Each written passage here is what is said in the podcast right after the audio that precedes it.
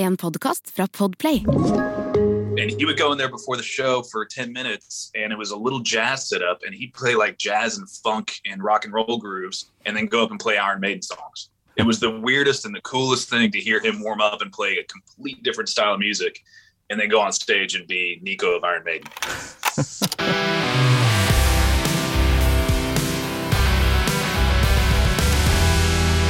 Maiden. Recording in progress. Hey man, how are you how are you? i'm good good to see you You remember me? We actually met before.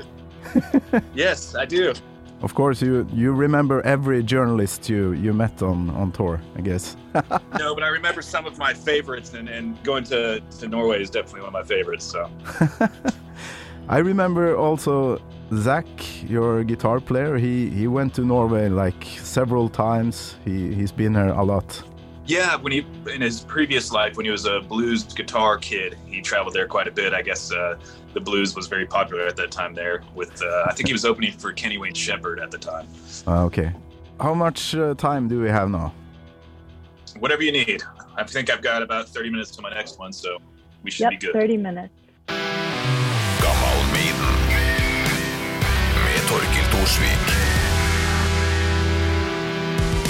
30 minutes. Okay, this is uh, for Radio Rock and um, um, a podcast named uh, Gammal Maiden. It means like vintage maiden because it's about the music that inspired us to be the, the people we are right now. so, welcome and Barry Kerch to um, Gammal Maiden and congratulations with your new album with Shinedown.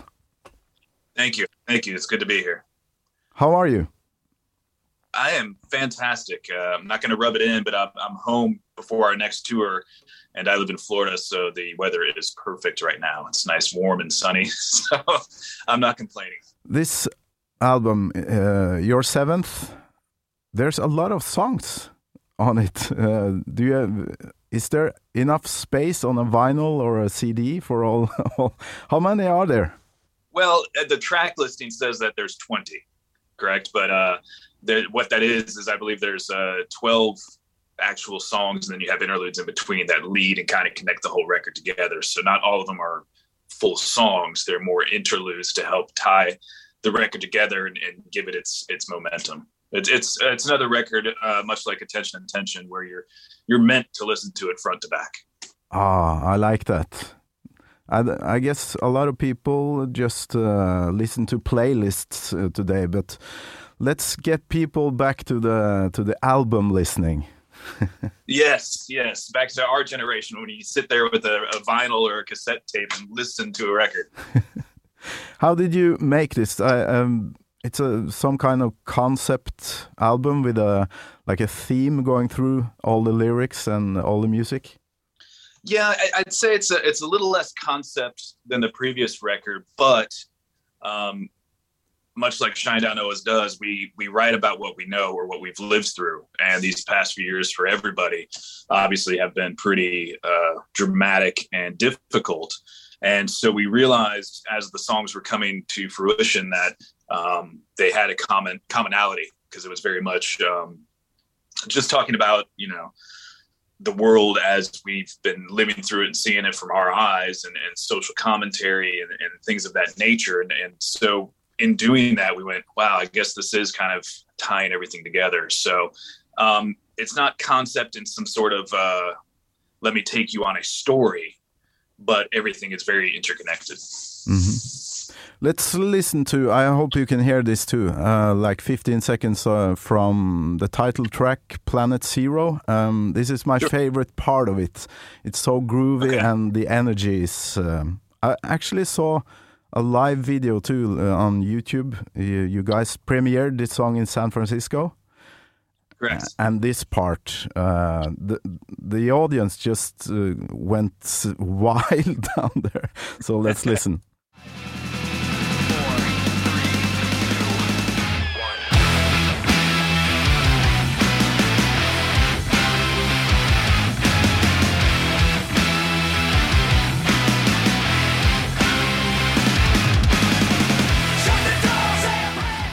you heard it Yes, that, that's a bridge section of the song. Yes. Oh my god. Nice bridge there. and it, it must be so fun playing it. It really is. It was, it was cool to finally get back to touring after so much time off with you know the pandemic and everything. Um, to see the reaction in in, a, in the audience because that when we played that song in San Francisco for the first time, that was actually the day the song got released. So we weren't sure people were going to know it at all, and to see the fans really latch onto it in a city that we hadn't played in in a very long time, probably three, four years, I think. Um, it was really cool. It was really cool, and it felt great to to finally kind of knock the dust off of it and play it live instead of just in the studio. Because when we track in the studio, we don't play all together. You know, it's all okay. Let's get the drums done. Let's layer the guitars, vocals, etc. So um, it was nice to play it as a band. I guess I like it so much because uh, it also reminds me of some parts from uh, my favorite band when I was a little kid, kid uh, Iron Maiden, like Mother Russia. You know? I think about that, but you're right.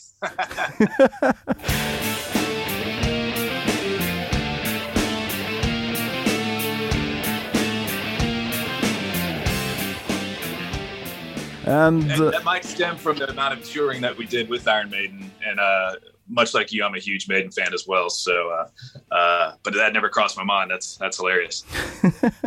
I I remember uh, you got to um, introduce one song when you uh, came to Radio Rock uh, the last time, and you uh, actually um, wished for the number of the beast. I remember. What's going on? This is Radio Rock. I am Barry from the band Shinedown, and I'm picking Number of the Beast from Iron Maiden. You uh, you picked that one, and you've been supporting Maiden on tour. How was that? Yeah. Uh, that was a childhood dream come true. um, it- you know, it's it's tough supporting Maiden. So the tour that we did with them was their first UK tour in a while. So they went all across the UK, and uh, there was a couple outside the UK, but it was mainly um, in the UK. And I tell you what, opening up for Iron Maiden in front of their fans is extremely humbling and difficult because they're not there to see you; they're there to see Iron Maiden, rightfully so. But when you start playing, especially in the first few shows of that tour, because people were typically following them around like Iron Maiden fans do, they would turn their back to you and they would give you no emotion, and that was it. But what was cool by the end of that tour, which ended in London, um, we got a lot of respect from a lot of the Maiden fans. I wouldn't say we won them all, but we won a lot of them over um, because we never gave up. We still put on our show, and uh, we got some thumbs up, and they started turning around and actually enjoying the show because we wouldn't give up. So it was a great tour, and and you know Iron Maiden, the guys in the band alone. And their and their staff, their crew, which has been with them forever, treated us like gold, and they didn't have to. You know, they're they're a legacy band; they don't have to do anything they don't want to, and they were very very cool to us, very humble, and just it was normal. It was great. Yeah, I saw um, another YouTube um, video. You guys actually got the Maiden fans to jump uh, up and down in one of those gigs, and and that's uh, that's a good job, man.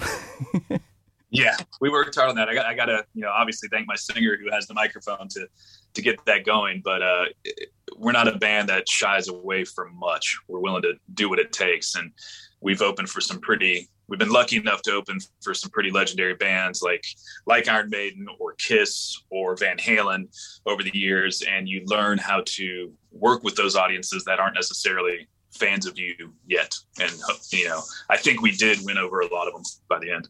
Yeah. How was it different supporting Maiden um, comparing with Metallica and Kiss? Uh, well, we've only supported Metallica once, and that was on a festival, so that doesn't count. But uh, with Kiss, we did a Canadian tour with them, um, and it was very similar. Their fans aren't as they're they're very hardcore. They're very loyal fans. The Kiss Army obviously is very loyal, but they weren't as I wouldn't say aggressive. Aggressive was the wrong word. They weren't as stern as the Maiden fans. The Maiden fans are Maiden fans. The Kiss fans were there in their makeup having a good time. Um, so they were a little bit easier to play for. Um, however, you know, again, Kiss was another band that didn't have to treat us well at all. and they were super nice to us. Super nice to us. They treated us well. In fact, the last show ended up in in the northeast of Canada, and they're like, "Hey, we're flying to Boston, and you want to jump on the Kiss jet and fly with us?" And we're like, "Of course we do. We want to fly back home." And it was the most humbling experience because here we are on the Kiss jet, talking to the members of Kiss. Aside from Gene, he stayed behind with his wife because she was from that area. And they're all making fun of Gene, like bands do. We all make fun of each other. So they're making fun of Gene. Doc, the uh, their manager, is pouring us drinks we're hanging out. It's a great conversation. I'm talking to Eric Carr about paint jobs on drum sets and cars. And Paul Stanley showing us videos of him and his son doing cover songs in, in LA. It was weird. It was surreal. And so the jet lands, we get there, we're in Boston, it lands. They go, okay, guys, have a good day. They get in their private cars, they disappear. And it's like four or five in the morning, and we're stuck at the airport and that's when humility comes back in. We just walk in, the airport's not open. I actually laid in baggage claim on the floor and fell asleep till the airport opened. so to go from Kiss's private jet back to sleeping on the floor of an airport was a, a pretty unique experience. okay, let's talk about your your drumming and your style, your influences, and um, let's start with um, a regular question in Gammal Maiden, the podcast. Um, do you remember the first time you heard Iron Maiden? I do. I was uh, probably seven, eight years old. I have an older brother who introduced me to a lot of music. He's seven years older than me, and he's a big music guy as well. He's he's actually a, a, been a radio DJ his whole life. Um, but uh, so he took me over to a friend's friend of his house, and he, his friend had vinyl, and Number the Beast was on there. And first, of course, I saw the cover, and I went, "What is this? This is the coolest cover I've ever seen." And then I listened to it, and the the drumming on there uh, sparked. You know, I just started playing drums at that point. Um, it just sparked my interest, and I fell in love with it. And My brother wasn't a huge Maiden fan; He's, he respects Maiden, but he wasn't a Maiden fan. He was more Metallica. I was more Maiden, and from that moment on, I was a huge Maiden fan. It spoke to me, and it was one of those things too.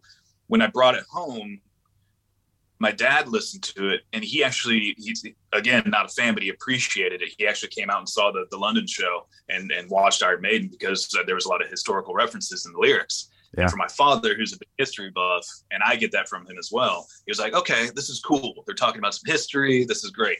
Um, and that was it. I was hooked. So and then i you know so number of the beast is probably my favorite record followed by piece of mind which was the first one i was able to to purchase myself And um, I, th I think I saw an article um, on the internet. I, I couldn't read the whole thing. It said that Barry Kerch, uh, drummer of Shinedown, 10 albums that made uh, or inspired your drumming. And I think one Maiden album was that the same one, The Number of the Beast? It probably was. Yeah, yeah it was either Number of the Beast. I, I don't remember what I put on there because we've done a few of those over the years, but it would have been one of those two. Ah, okay, and uh, so Clive Burr is the is your favorite then, or?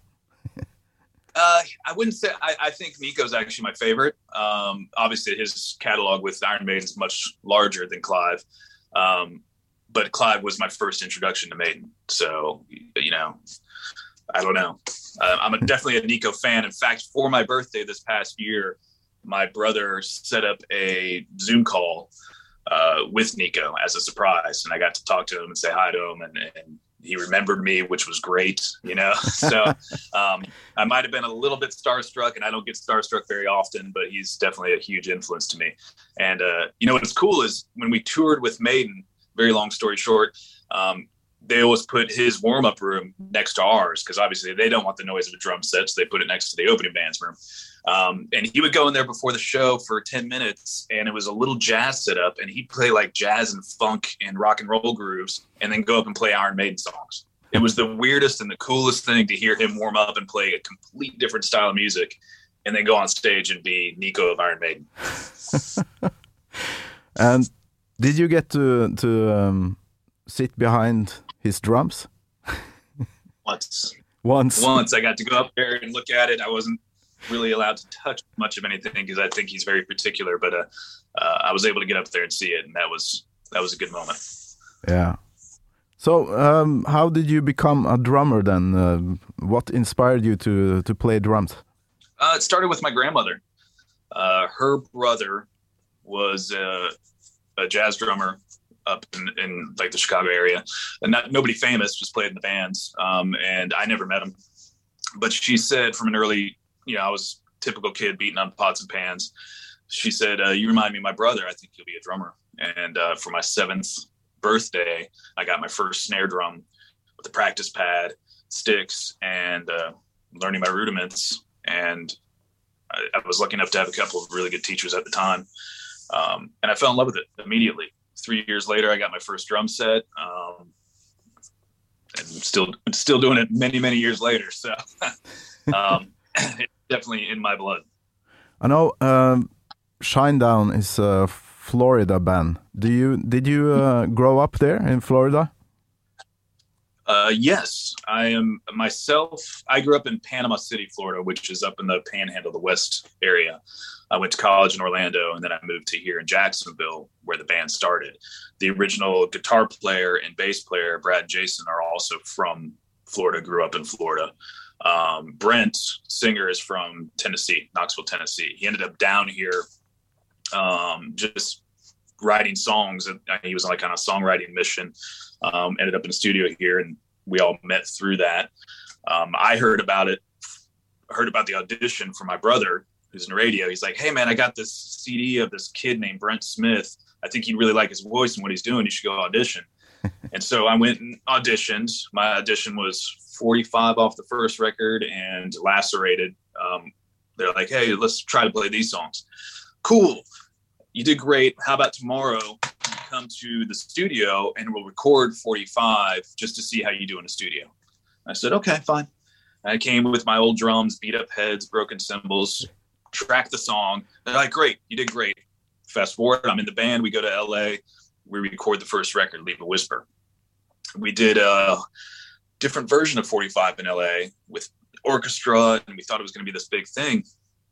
And then uh, when we came back and it was time to release the record, and we had done a couple more sessions in Atlanta. Uh, our A and R guy Steve came up and he said, "You know what? That original version of 45 really feels better. It's got a vibe, and that's the one you hear on the record." So that version of 45 was actually my audition for Shinedown. uh, I don't think there um, there are a lot of drummers that can say that. no, no, yeah, I, still shocks me to this day, but it's a cool piece of uh, Shinedown trivia. And what um, did you listen to uh, bands like Iron Maiden and then try to play like Nicko, like uh, Clive Burr and Kiss? And what band did you listen to when you when you started drumming? Uh, Maiden was a big one for me um, because both Clive and Nicko didn't use double bass, and at that time period in the '80s, everybody had a double bass kit. I couldn't afford one and so I was like, well, this guy can do it. I'm going to try to do what he does. So Iron Maiden was a big one. Uh, the Police, um, James Brown. I love James Brown drummers, Clyde, uh, Clyde Stubblefield and John Jabo Starks. Um, uh, Phil Collins, um, Faith No More. I mean, I, I don't know if you guys had this growing up where you were, but we had this company called Columbia House, and you signed up, and it was like a, a, subscription, and you get cassettes in the mail every month of whatever the new artists were in your genre. Yeah. So my brother signed for that, and so it'd be anything from Def Leppard to Krokus to you know Accept would show up, and I'd dive in and listen to it and try to play along with whatever songs were cool. So I was I was lucky enough to be exposed through my brother to a lot of music, uh, especially in the '80s and '90s. Mm-hmm. But now you use um, like a double bass drum, right? I do, but I use it sparingly. I wouldn't call myself a double bass player by any means. I, I can, you know, play it and I can do things with it, and and I enjoy playing it and adding it in. But Shinedown's not a, necessarily a double bass band. We're a rock and roll band, but there are parts where I'll use it. Um, but I'm not going to go out and play for you know some blast metal band. That's just not my style, not my thing. I, I respect it a lot, and those guys that can go a mile a minute with their feet, that's amazing. It's not me. There's also this feature in the in the podcast. Uh, every guest uh, gets to choose one particular um, maiden song that that's been really important. Um, will that be the number of the beast then for for you? Uh, no, I don't. I'm trying to think what I feel today.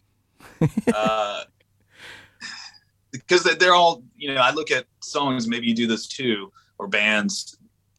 Certain songs were different at, at different time periods in your life, and they, they spoke to you differently at different time periods of your life. Number the Beast, yeah, was huge for me in my introduction to them. But then I remember when Somewhere in Time came out and how different that was and how cool I thought that record was. Or when Bruce was coming back and Fear the Dark came out, I was like, oh, that's a great record. So I love Fear the Dark.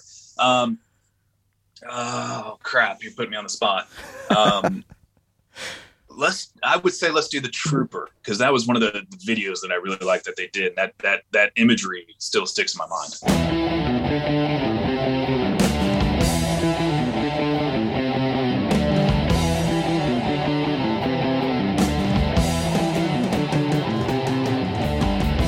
I remember I had the the soldier Eddie on uh, uh, on my back like a, a patch on my on my jacket. It- Yeah. It's the most beautiful cover, I think. That's such a great cover. That's the cool one. Yeah. Did you? I mean, uh, how, how cool is it that you can have a character named Eddie that's this zombie dead guy, and that is the symbol of your band that carries through the whole, you know, all 30, 40 years that they've been around. Um, it's pretty amazing. You're listening to a podcast. I'm Bruce Dickinson. You're not, and you're listening to Gammal Maiden. I think we got maybe five minutes left, but um, so so what's what's happening now after the release of uh, of the album? You, I saw some tour dates. It's like really, uh, you you don't have a lot of breaks between the the, concerts like other other bands do. No, we tend to uh, when we finally go on tour for an album, we tour really, really hard. Um, and my wife's definitely ready for me to be out of the house, so I think she's gonna probably celebrate when I leave with my daughter. Um, yeah, so when we get done, we're on a small break right now. We do a April, May U.S. run. Then June we come over there for the festivals, uh, do a fun run there, come back. Uh, July, August, September, U.S. run. Uh, maybe September, October, and then we'll be back over there on a headlining run in the late fall, early winter. Yeah, and you guys, So- you've been doing doing this for years. How do you? How do you do it? a lot of rock stars, rock, rock and roll musicians get bored and they use a lot of substances and they uh, disappear. But how do you Yeah. do it? I've seen more bands go away than stay. Um, luckily, I drink beer and that's it. Um, I never got into the the drug scene. Um, uh, watching my singer, who was openly a recovered addict, watching him go through what he went through, I was like, ah, that's definitely not something I want to be a part of. Uh, having the band being sober is great. No drugs. Um, very light drinking. Um, I, Zach's never drank. Brent doesn't drink. Eric rarely drinks. Might be a glass of wine here and there um, with dinner. Uh, we still love each other and get along. We still ride the same bus. We still hang out together. That's huge. Um, you know, if there is a fight, we work it out.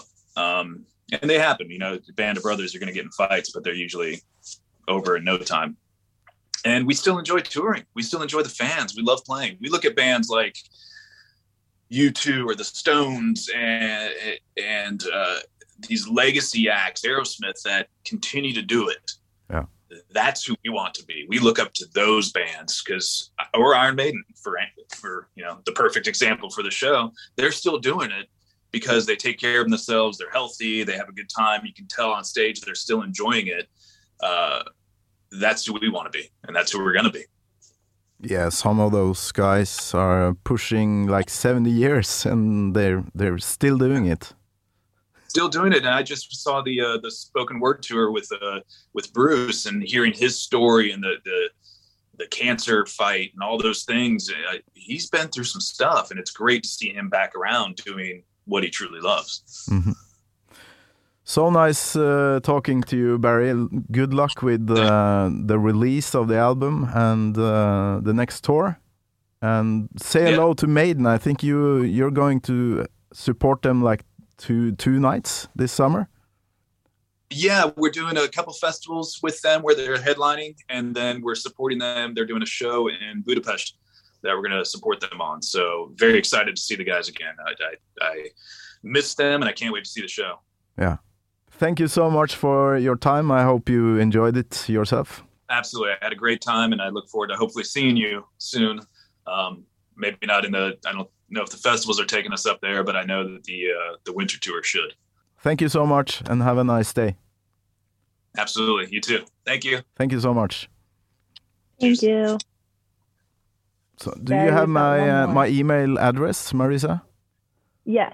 Yeah. Um, Perfect. I'm in contact with Erling from Yeah. Warner Music, so I can send it to him and he'll send it over to you. That's so nice. Thank you so much. Have a nice day. Thank, Thank you. too. Cheers. Recording stopped. Gammal Maiden med Torkel Thorsvik, en podkast fra Radio Rock. Ja, det gikk da fint. Jeg blir aldri helt komfortabel med de her eh, videomøtene over Atlanteren, men det er utrolig artig da å snakke med folk som har hatt nesten samme oppveksten som meg, bare på andre sida av eh, fjorden her, bortimot. Med Maiden, så klart, og Eddie og alle de greiene der. Helt fantastisk å møtes på det her viset, så jeg håper du blir med neste gang. Og hvis du, hvis du hører på Uh, gammel Maiden i en eller annen uh, ja, spiller som har sånn likes og comments og sånn, så må du gjerne slenge inn en uh, liten eh, like, da, hvis du liker det. Så høres vi neste mandag. Du har hørt en podkast fra Podplay. En enklere måte å høre podkast på. Last ned appen Podplay, eller se podplay.no.